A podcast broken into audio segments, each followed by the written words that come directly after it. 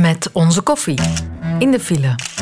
Op vakantie bij de zonsondergang in Santorini, in het vliegtuig, naast een bekende mens, tijdens concerten, overal, maar echt overal de hele dag door, leggen we onszelf vast met de camera. Kijk, ik ben het. En al die foto's van onszelf, die gooien we dan op sociale media. Kijk jongens, ik ben het hier. Waar de fotograaf vroeger achter de camera stond en landschappen vastlegde of andere mensen, staat de fotograaf vandaag liefst zelf mee op de foto.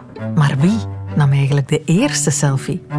Ik ben Sophie Lemaire en dit is een snelle geschiedenis van de selfie. Het zal je misschien verbazen, maar we weten exact wie dat was. De eerste selfie werd genomen door Robert Cornelius. Of Robert Cornelius. We zitten in de begindagen van de fotografie, de jaren 1830. In Frankrijk heeft Louis Daguerre net de daguerreotypie bedacht. Een vroege fotografische methode waarbij je een gepolijste verzilverde koperen plaat in een lichtdichte doos moest stoppen met een klein gaatje. En na die plaat lange tijd te belichten, kon je dan met behulp van allerlei chemicaliën een beeld op die plaat ontwikkelen.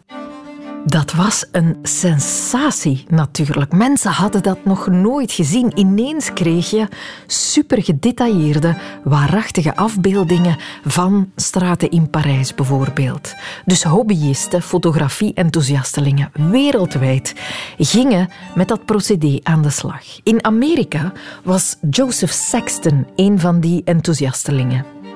En die stapt in 1839 een winkeltje binnen in zijn buurt in Philadelphia. Een winkeltje gespecialiseerd in zilverwaren en ijzerwaren. En hij vraagt aan de man in de winkel of die voor hem zo geen gepolijste plaat kan maken voor zijn daguerreotype. Zeker, antwoordt Robert Cornelius, want hij is de man in de winkel. Hij maakt zijn beste plaat en Joseph Sexton keert niet veel later terug met een intussen legendarische foto. Een afbeelding van de Central High School van Philadelphia. Een afbeelding die later bekend zou worden als de oudste foto ooit in Amerika genomen. Maar ook al is dat dan nog niet echt duidelijk hoe legendarisch die zal worden, Robert Cornelius is mega onder de indruk en gefascineerd. Dat wil hij ook kunnen.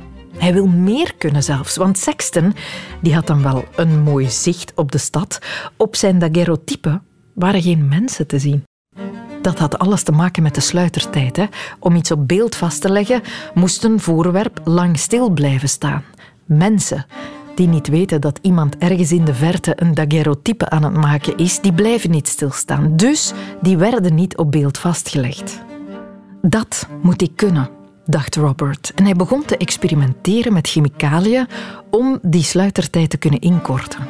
En op een dag, in 1839, in het tuintje, achter zijn winkeltje, installeert hij een zelfgemaakt fototoestel. Bovenop een zelfgemaakt statief. Hij trekt de lensdopper af, neemt plaats op een stoel er tegenover, blijft even stilzitten en staat dan recht om zijn daguerreotype te ontwikkelen. Vrij snel ziet hij, tot zijn eigen grote vreugde, zichzelf op de gevoelige plaat. De allereerste selfie in de geschiedenis toont ons een hippe vogel uit Philadelphia, want zo zag hij er wel wat uit. Wilde haardos, slordig geschoren baard, gekruiste armen en een licht bezorgde blik recht in de camera. Alsof hij toen al wist hoe loco wij zoveel jaren later zouden gaan op die selfies. Het is intussen de meest genomen foto.